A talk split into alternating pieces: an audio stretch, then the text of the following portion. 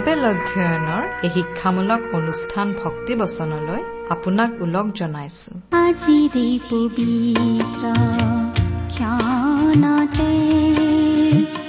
উজলি উঠা খ্ৰীষ্টৰ জ্যোতি প্ৰিয় শ্ৰোতা আমাৰে সৈতে আজিৰ এই অনুষ্ঠান শুনিবলৈ বহাৰ বাবে আপোনালৈ অশেষ ধন্যবাদ। আপোনাৰ দৰে শ্ৰোতাই আমাক সদায় প্ৰেৰণা যোগায়। এই অনুষ্ঠানটিৰ যোগেৰে আমি আপোনাক লগ পাই থাকিলে আমি বৰ উৎসাহ পাওঁ। আমি মানুহ সঁচাকৈ ইজনে আনজনৰ সম্পৰ্কত থাকি বৰ ভাল পোৱা প্ৰাণী। ঈশ্বৰো আমাৰ লগত থাকি বৰ ভাল পায়। সেয়েহে যীশুখ্ৰীষ্টৰ ৰূপেৰে আহি আমাৰ লগত অৰ্থাৎ মানুহৰ লগত বসতি কৰিলে। তেওঁৰ আন এটা নাম ইমান অৰ্থাৎ আমাৰ লগত ঈশ্বৰ মানুহৰ লগত ঈশ্বৰ। মানুহ যেন সদায় ঈশ্বৰৰ লগত আৰু ঈশ্বৰ যেন সদায় মানুহৰ লগত থাকিব পাৰে তাৰ বাবে যি বলিদানৰ কাৰ্যৰ প্ৰয়োজন আছিল তাকেই সিদ্ধ কৰিবলৈ প্ৰভু যীশু এই পৃথিৱীলৈ আহিছিল। ঈশ্বৰে মানুহৰ লগত থাকিব বিচাৰে। ভাবিলেই ভাল লাগে নহয়নে? এই সময়ত ঈশ্বৰ আপোনাৰ মোৰ লগত আছে। আপুনি যাতে কেতিয়াও অকলশৰীয়া অনুভৱ নকৰে ঈশ্বৰ আপোনাৰ লগত। ইয়াতকৈ ভাল সংগ পৃথিৱীত কি হ'ব পাৰে? এই লগৰীয়া ঈশ্বৰৰ বিষয়ে অধিককৈ জানিবলৈ আহক। আজিৰ ভক্তিবচন অনুষ্ঠান শুনো। তুমি জীৱনৰ জীয়াই থকাৰ লক্ষ্য এই জীৱনৰ সিপাৰে থকা অনন্ত জীৱনৰ বাক্য হৃদয় উপচে মোৰ কৃতজ্ঞতাৰে প্ৰভু তোমালৈ মনত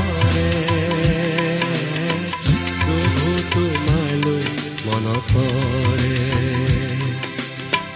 দূৰ দিগন্ত মাৰ যাব ধৰা হেঙুলি বেলি লৈ চাই দূৰ দিগন্ত মাৰ যাব ধৰা হেঙুলি বেলি লৈ চাই আমাৰ মহান ত্ৰাণকৰ্তা প্ৰভু যীশুখ্ৰীষ্টৰ নামত নমস্কাৰ প্ৰিয় শ্ৰোতা। আশা কৰো আপুনি ভালে কুশলে আছে। প্ৰিয় শ্ৰোতা আপুনি বাৰু আমাৰ এই ভক্তিপচন অনুষ্ঠানটো নিয়মিতভাৱে শুনি আছেনে? এই অনুষ্ঠান সম্বন্ধে আপোনাৰ মতামত আদি জনাই আমালৈ চিঠি পত্ৰ লিখিছেনে বাৰু? অনুগ্ৰহ কৰি আজি এই দুখাৰিমান লিখি পঠিয়াবচোন। আহকচোন আজিৰ বাইবেল অধ্যয়ন আৰম্ভ কৰাৰ আগতে খন্তেক প্ৰাৰ্থনাত মূৰ দুৱাওঁ। আমি প্ৰাৰ্থনা কৰো। স্বৰ্গত থকা অসীম দয়ালু কৰুণাময় পিতা তোমাৰ তুলনা নাই। তোমাৰ প্ৰেম তোমাৰ কৰুণা তোমাৰ অনুগ্ৰহৰ কথা আমি বৰ্ণনা কৰি শেষ কৰিব নোৱাৰো। প্ৰভু যীশুৰ যোগেদি তুমি আমালৈ যি অনুগ্ৰহ দেখুৱালা তাৰ বাবে তোমাক অশেষ ধন্যবাদ পিতা। এতিয়া আমি তোমাৰ মহান বাক্য বাইবেল শাস্ত্ৰ অধ্যয়ন কৰিবলৈ আগবাঢ়িছো। তোমাৰ বাক্য তুমিয়েই আমাক বুজাই দিয়া। এই অনুষ্ঠানৰ আৰম্ভণিৰ পৰা শেষলৈকে তুমিয়েই আমাৰ চলাওঁতা হোৱা। অনুষ্ঠান শুনি থকা প্ৰতিজন শ্ৰোতাৰ জীৱনত তোমাৰ মহান অনুগ্ৰহৰ আশীৰ্বাদ প্ৰকাশ পাই উঠিবলৈ দিয়া। কিয়নো এই প্ৰাৰ্থনা আমাৰ মহান ত্ৰাণকৰ্তা প্ৰভু যীশুখ্ৰীষ্টৰ নামত আগবঢ়াইছো। আমেন।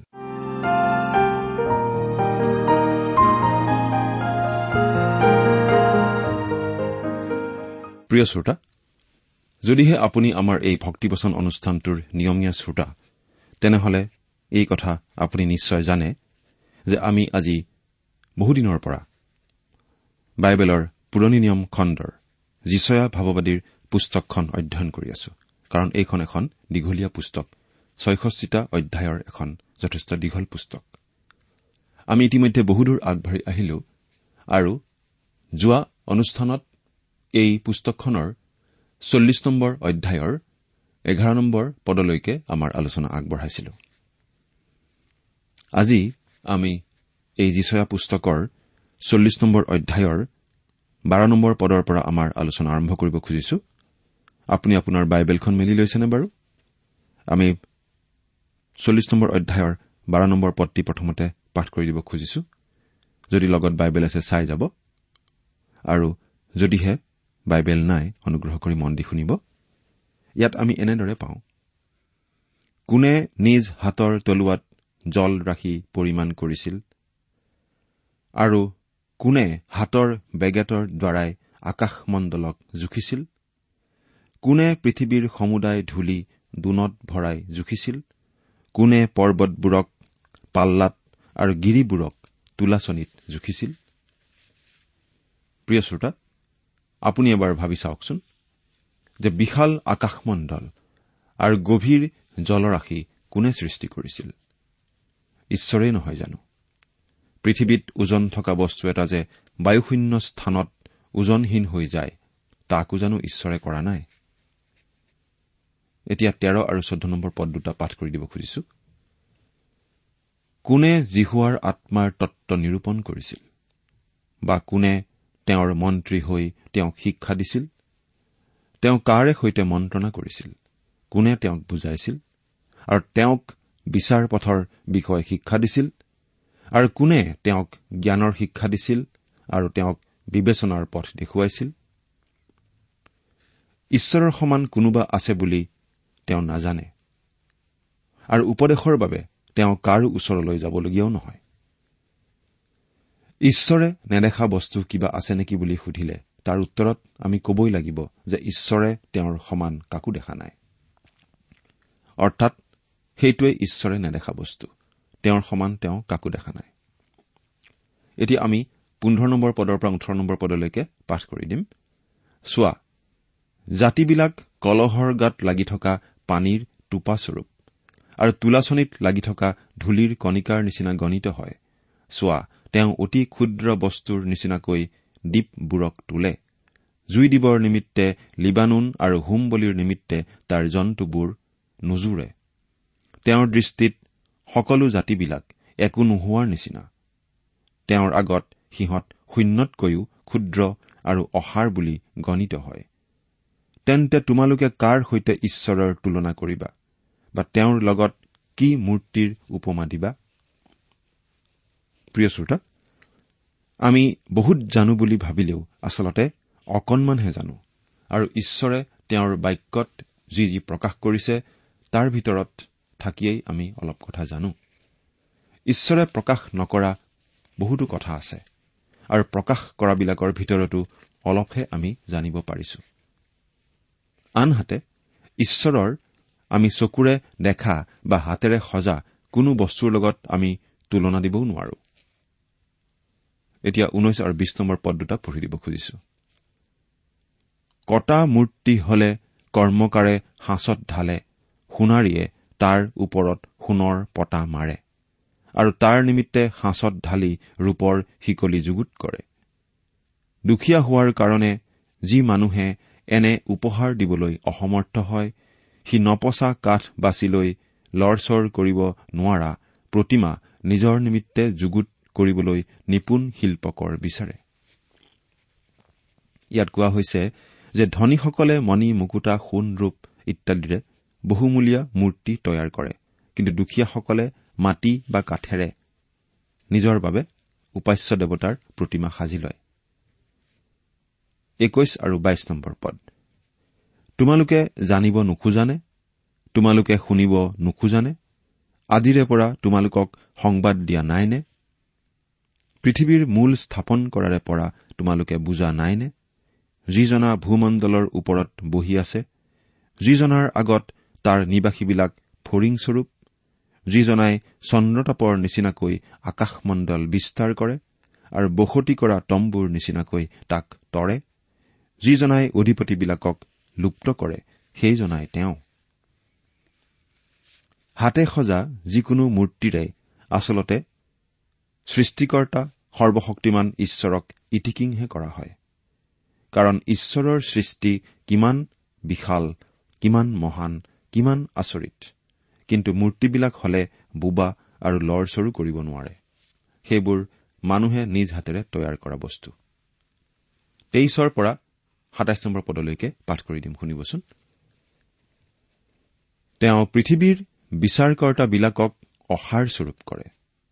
সিহঁতে ৰোৱা কি বোৱাও নহয় এনেকি সিহঁতৰ মূঢ়ায়ো মাটিত শিপা মেলা নাই এনে সময়ত তেওঁ সিহঁতৰ ওপৰত থু দিয়া মাত্ৰকেই সিহঁত শুকাই যায়। আৰু সিহঁতক বাহ মাৰলি বতাহে নৰাৰ নিচিনাকৈ উৰুৱাই নিয়ে। পবিত্ৰজনাই কৈছে তেন্তে তোমালোকে মোক কাৰে সৈতে উপমা দিলে মই তাৰ সদৃশ হ'ম। তোমাৰ চকু ওপৰলৈ তুলি দৃষ্টি কৰা। কোনে সেইবোৰ সৃষ্টি কৰিলে? যিজনাই সংখ্যা অনুসাৰে সেইবোৰৰ বাহিনীবিলাকক উলিয়াই আনে যিজনাই সেইবোৰক নাম ধৰি ধৰি মাতে সেইজনাৰ অধিক সমৰ্থ আৰু বহু পৰাক্ৰমৰ কাৰণে সেইবোৰৰ এটিও অনুপস্থিত নাথাকে। মোৰ পথ জিহুৱাৰ পৰা গুপ্ত হৈ আছে। আৰু মোৰ গোচৰলৈ মোৰ ঈশ্বৰে মন কাণ নকৰে। এইবুলি হে জাকুব তুমি কিয় কৈছা? হে ইছৰাইল তুমি কিয় এনে কথা শুনা? ইয়াত এই বুলি কোৱা হৈছে যে ঈশ্বৰে তেওঁৰ সন্তানসকলৰ জীৱনৰ ঢৌ ধুমুহাবিলাক জানে আৰু তাৰ সমাধানো জানে। আৰু এসময়ত সমাধানো কৰিব। আপুনি বাৰু ঈশ্বৰৰ সন্তান হৈছেনে? যদি হোৱা নাই নহবনে? ঈশ্বৰে তেওঁৰ নিজৰ সন্তানসকলকো কেতিয়াবা শাস্তি দিয়ে কিন্তু সেয়াও ভালৰ বাবেহে দিয়ে তাৰ পৰা শিক্ষা পাবলৈহে দিয়ে কিন্তু এই শাস্তিৰ দ্বাৰা ধ্বংস হবলৈ নিদিয়ে। আঠাইছ নম্বৰ পদ তুমি জানো জনা নাই তুমি জানো শুনা নাই। অনাদি অনন্ত ঈশ্বৰ জিহুৱাই পৃথিৱীৰ সীমাবোৰৰ সৃষ্টিকৰ্তা ক্লান্ত নহয় আৰু ভাগৰ নাপায় তেওঁৰ বুদ্ধি অগম্য। আমাৰ ঈশ্বৰ অতি মহান। নিজৰ সন্তানক শাস্তি দিলেও সেয়া অলপ দিনীয়া কিন্তু তেওঁৰ দয়া অনন্তকলীয়া নিজ সন্তানক দয়া কৰি তেওঁ আমনি নাপায়। ঊনত্ৰিশ নম্বৰ পদৰ পৰা একত্ৰিশ নম্বৰ পদ। পাঠ কৰি দিম। তেওঁ ক্লান্ত হোৱা লোকক শক্তি দান কৰে আৰু বল নোপোৱা লোকক অধিক বল দান কৰে। ডেকাবিলাকেও শ্ৰান্ত হৈ ভাগৰ পায় আৰু যুৱাবিলাকে উজুতি খাই একেবাৰে পৰি যায়। কিন্তু যিবিলাকে জিহুৱালৈ অপেক্ষা কৰে তেওঁবিলাকে নতুন নতুন বল পাব। তেওঁবিলাকে কোৰৰ পক্ষীৰ দৰে দেউকাৰে ওপৰলৈ উঠিব। তেওঁবিলাক লৰ মাৰি শ্ৰান্ত নহব। তেওঁবিলাকে গমন কৰি ভাগৰ নাপাব।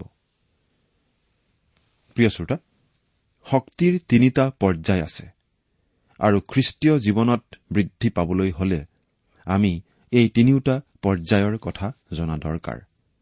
সেই তিনিটা পৰ্যায় হ'ল ডেকাসকলে ইগল চৰাইৰ দৰে উৰিব বয়সস্থসকলে দৌৰিব আৰু পৈনত খ্ৰীষ্টিয়ানসকলে খোজ কাঢ়িব।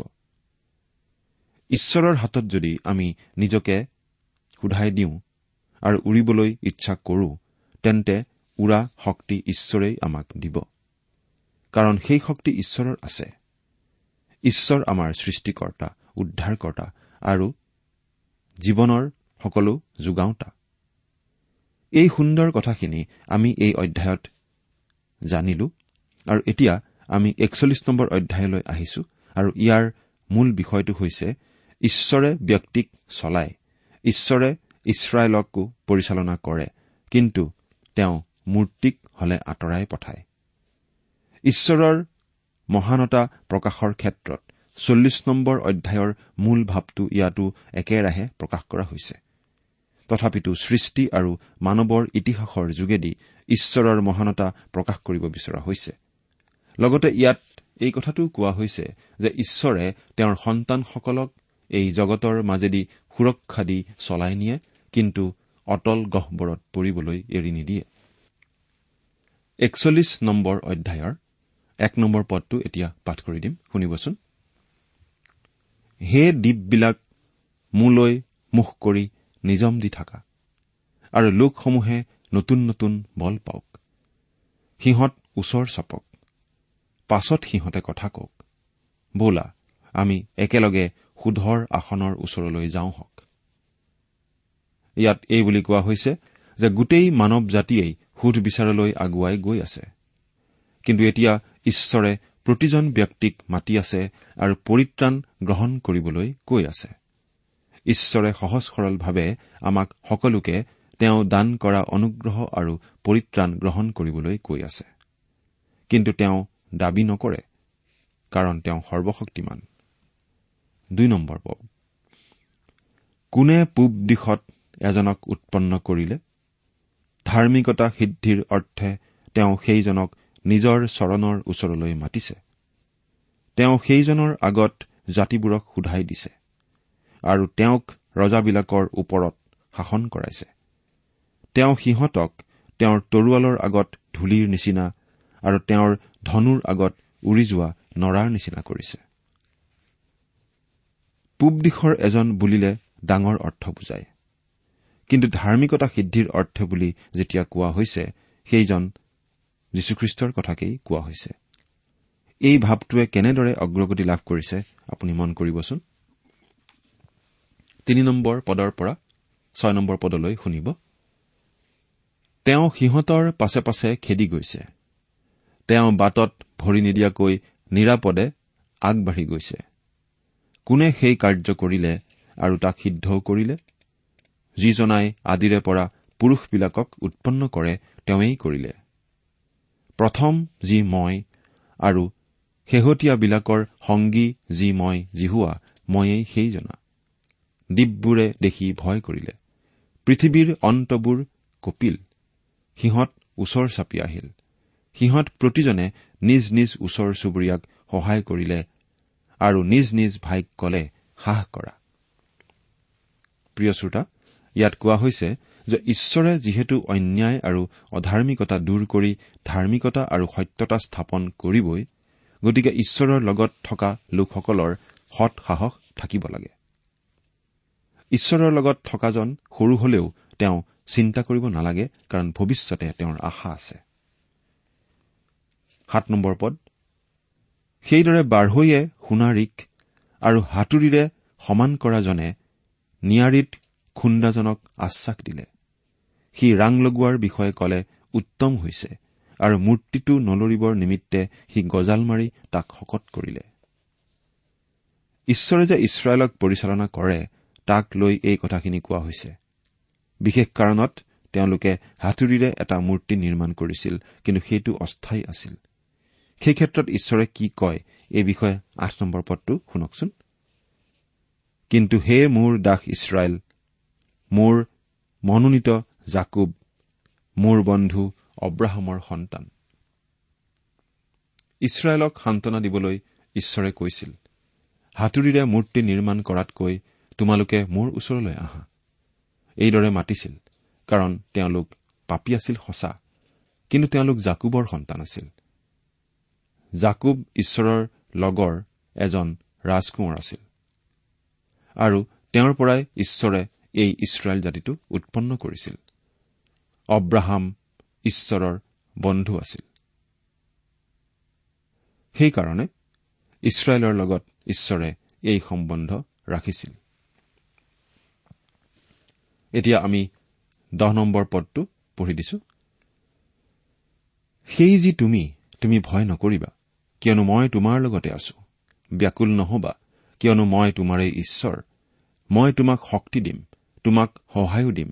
এনেকি মোৰ ধাৰ্মিকতাৰূপ সোঁ হাতেৰে তোমাক ধৰি ৰাখিম। প্ৰিয় শ্ৰোতা ঈশ্বৰৰ সন্তানসকলৰ বাবে সকলো যুগৰ কাৰণে এই পদটো শক্তি আৰু সান্তনাৰ স্তম্ভস্বৰূপ। যীশুখ্ৰীষ্টক বিশ্বাস কৰাৰ দ্বাৰা যিসকল লোক আজি ঈশ্বৰৰ সন্তান হৈছে তেওঁলোকৰ লগত ঈশ্বৰ সদায় থাকিব। এয়া ঈশ্বৰৰ এটা প্ৰতিজ্ঞা।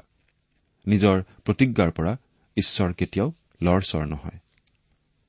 এঘাৰ নম্বৰ পদৰ পৰা তেৰ নম্বৰ পদলৈ পাঠ কৰি দিম। চোৱা যিবোৰ তোমাৰ অহিতে কুপিত হৈছে সেই সকলোৱে লাজ পাই বিবৰ্ণ হয়। যিবোৰে তোমাৰ লগত বিবাদ কৰে সিহঁত নোহোৱা যেন হ'ব আৰু বিনষ্ট হ'ব। যিবোৰে তোমাৰ বিৰোধ কৰে সিহঁতক তুমি বিচাৰি নাপাবা। যিবোৰে তোমাৰ লগত যুদ্ধ কৰে সিহঁত শূন্য আৰু একো নোহোৱা যেন হ'ব। কিয়নো তোমাৰ ঈশ্বৰ যি হোৱা যে মই ময়েই তোমাৰ সোঁহাতত ধৰি কওঁ ভয় নকৰিবা ময়েই তোমাক সহায় কৰিম। প্ৰিয় শ্ৰোতা ঈশ্বৰৰ অনুগ্ৰহৰ ওপৰত নিৰ্ভৰ কৰা সকলৰ বাবে এয়া ঈশ্বৰৰ সান্তনাৰ প্ৰস্তাৱ। ঈশ্বৰে কৈছে তেওঁৰ ওপৰত নিৰ্ভৰ কৰা লোকসকলক তেওঁ বিশ্বাসত ল'ব। তেওঁৰ লগত চলিবলৈ সমৰ্থ কৰিব। তেওঁক জানিবলৈ দিব আৰু তেওঁৰ লগত সহভাগিতা ৰাখিব।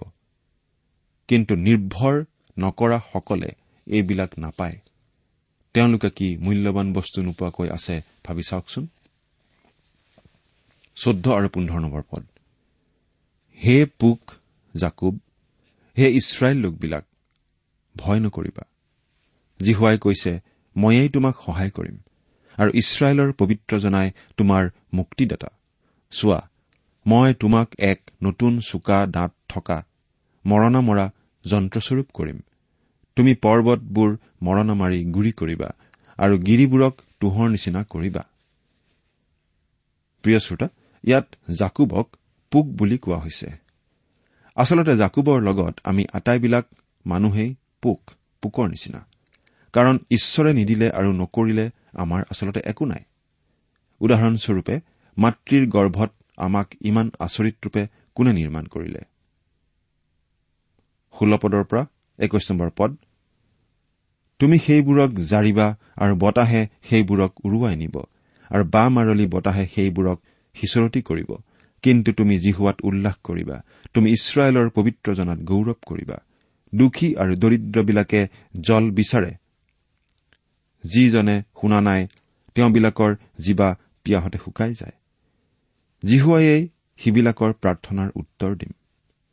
মই ইছৰাইলৰ ঈশ্বৰেই তেওঁবিলাকক ত্যাগ নকৰিম। মই গছ তৃণ আদি নথকা ওখ ঠাইবোৰত নদীবোৰ আৰু উপত্যকাবোৰৰ মাজত ভুমুকবোৰ উলিয়াম। মই মৰুভূমিক এক জলাশয় কৰিম আৰু খৰাং মাটিক ভুমুকেৰে পৰিপূৰ্ণ কৰিম। মই অৰণ্যত এৰছ বাবল মেণ্ডি আৰু বনৰীয়া জিত গছ ৰুম আৰু মৰুভূমিত দেৱদাৰু তিধৰ তাচুৰ গছ একেলগে ৰুই থম। জীহুৱাই নিজ হাতে যে এই কাৰ্য কৰিলে আৰু ইছৰাইলৰ পবিত্ৰ জনাই যে তাক সৃষ্টি কৰিলে ইয়াক তেওঁবিলাকে যেন দেখি জানি বিবেচনা কৰি একে সময়তে বুজিব পাৰে এনে অভিপ্ৰায়েৰে মই সেই কাৰ্য কৰিম। জিহুৱাই কৈছে তোমালোকে নিজ নিজ গোচৰ উপস্থিত কৰা। জাকুবৰ ৰজাই কৈছে তোমালোকৰ দৃঢ় প্ৰমাণ আনা। প্ৰিয় শ্ৰোতা ঈশ্বৰে যে মূৰ্তি বস্তুটোক একেবাৰে দূৰতেই আঁতৰ কৰে সেই বিষয়ে এই কথাখিনি কোৱা হৈছে। প্ৰতিমা পূজকসকলৰ বাবে ঈশ্বৰৰ এয়া এক প্ৰত্যাহ্বান। প্ৰতিমা পূজক কোন বাৰু? আমি বাৰু প্ৰতিমা পূজক হয় নে নহয়? প্ৰিয় শ্ৰোতা আপোনাৰ বা মোৰ আত্মা আৰু ঈশ্বৰৰ মাজত যি থাকে বাধাস্বৰূপে যি থাকে সেয়েই আমাৰ বাবে প্ৰতিমা বা মূৰ্তি। সেই বস্তুটো যিয়েই নহওক কিয় লাগিলে ই আমাৰ নিজৰ বিশ্বাসেই হওক বা আমি অতিপাত ভাল পোৱা কিবা বস্তুৱেই হওক যিহৰ বাবে আমি আমাৰ সময় আৰু শক্তি খৰচ কৰি আছো যিহক আমি আমাৰ হৃদয়ত আগস্থান দিছো যিবোৰে আমাক ঈশ্বৰৰ পৰা আঁতৰাই ৰাখে সেইবোৰেই আমাৰ বাবে প্ৰতিমা বা মূৰ্তি। মূৰ্তিয়ে কি কৰিব পাৰে বাৰু? বিশ্ব ব্ৰহ্মাণ্ডৰ উৎপত্তিৰ বিষয়ে সেইবিলাকে কিবা ক'ব পাৰেনে? নাইবা সৃষ্টিৰ বিষয়ে নানা তত্বৰ দ্বাৰা আপুনি সন্তুষ্ট হ'ব পাৰিছেনে? ঈশ্বৰে হলে কৈছে সেই সকলোবিলাক মূৰ্তিক বাহিৰ কৰা। বাইশ নম্বৰ পদ। সিহঁতে সেইবোৰ আনক আৰু আগলৈ কি ঘটিব তাক আমাৰ আগত প্ৰকাশ কৰক। আগেয়ে হৈ যোৱা কি কি আছিল তাক তোমালোকে প্ৰকাশ কৰা। তেতিয়া আমি বিবেচনা কৰি সেইবোৰৰ শেষ ফল জানিব পাৰিম বা ভৱিষ্যত ঘটনাবোৰ আমাক দেখুওৱা। সৃষ্টিৰ পাতনিক লৈ মানুহে বহুতো তত্ব উলিয়াইছে আৰু সেইবোৰ সময়ৰ সোঁতত নাইকিয়া হৈ গৈছে। আচলতে মানুহ ক'ৰ পৰা আহিল আৰু তাৰ ভৱিষ্যত কি তাকেই নাজানে। বিশ্ব ব্ৰহ্মাণ্ডৰ কথা কি ক'ব? গৱেষণা কৰা পণ্ডিতসকলেও ঈশ্বৰৰ সৃষ্টিৰ সৰু বস্তু এটাক লৈহে গৱেষণা নকৰে জানো? যেনে চকু ঘাঁহ বীজাণু ইত্যাদি। গোটেই বিশ্ব ব্ৰহ্মাণ্ডত কিমান বস্তু আছে ভাবকচোন। ইয়াৰ সৃষ্টিকৰ্তা যিজন ঈশ্বৰ তেওঁলৈ আমি নুঘূৰো কিয়? তেওঁতো সকলো জানে। তেইছ আৰু চৌব্বিছ নম্বৰ পদ। তোমালোক যে ঈশ্বৰ ইয়াক আমি জানিবৰ নিমিত্তে আগলৈ কি ঘটিব তাক প্ৰকাশ কৰা? এনে কি আমি বিস্ময় মানি একেলগে দেখিবৰ নিমিত্তে তোমালোকে মংগল বা অমংগল কৰা? চোৱা তোমালোক অকামিলা আৰু তোমালোকৰ কাৰ্য অসাৰ। আৰু তোমালোকক মনোনীত কৰাজন ঘৃণনীয়। ইয়াৰ পিছৰ পদকেইটা অৰ্থাৎ পঁচিছৰ পৰা ঊনত্ৰিশ নম্বৰ পদলৈকে আপোনালোকে অনুগ্ৰহ কৰি নিজে পঢ়ি ল'ব। কিন্তু আমি ইয়াত যিটো কথা বুজিছো সেইটো এনেধৰণৰ। ঈশ্বৰে জনাইছে যে ঈশ্বৰক বাদ দি মানুহে নিজে উদ্ভাৱন কৰা যিকোনো বিষয় বস্তু তত্বই মানুহক আচলতে সন্তুষ্ট কৰিব নোৱাৰে। সেইবোৰ অৰ্থহীন শক্তিহীন। কিন্তু ঈশ্বৰে হলে মানুহৰ সকলো সমস্যাৰ সমাধান কৰিব পাৰে। প্ৰভু যীশুৰ যোগেদি আপুনি ঈশ্বৰৰ দয়া অনুগ্ৰহ শক্তি সান্তনা আৰু সহভাগিতালৈ আহক। আপুনি আপোনাৰ সকলো উত্তৰ পাব। ঈশ্বৰ আপোনাৰ সহায় হওক। আমেন।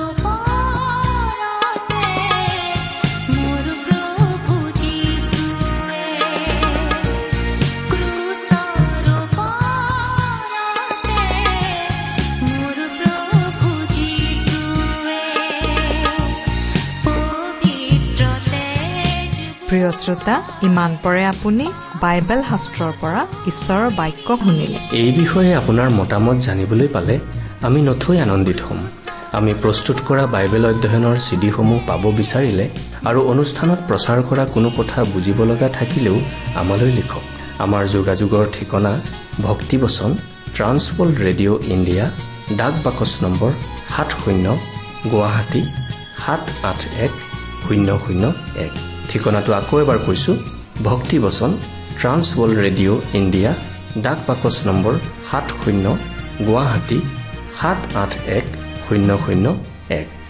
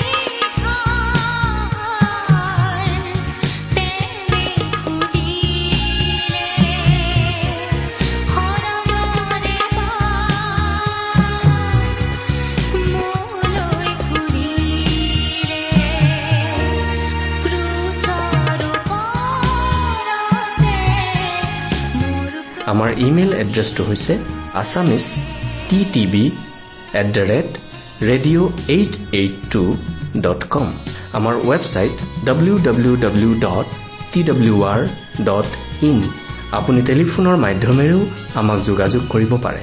আমাৰ টেলিফোন নম্বৰটো হৈছে nine eight five four zero' four zero' eight eight nine. Phone নম্বৰটো আকৌ এবাৰ কৈছো ন আঠ পাঁচ চাৰি শূন্য চাৰি শূন্য আঠ। আঠ ন। আপুনি এই ভক্তিবচন অনুষ্ঠানটি আমাৰ website W W W dot radio' eight eight two dot কমতো শুনিব পাৰিব। আজিৰ অনুষ্ঠানটি ইমানতেই সামৰিছো। ঈশ্বৰৰ শান্তি আৰু অনুগ্ৰহ আপোনাৰ লগত থাকক। ধন্যবাদ।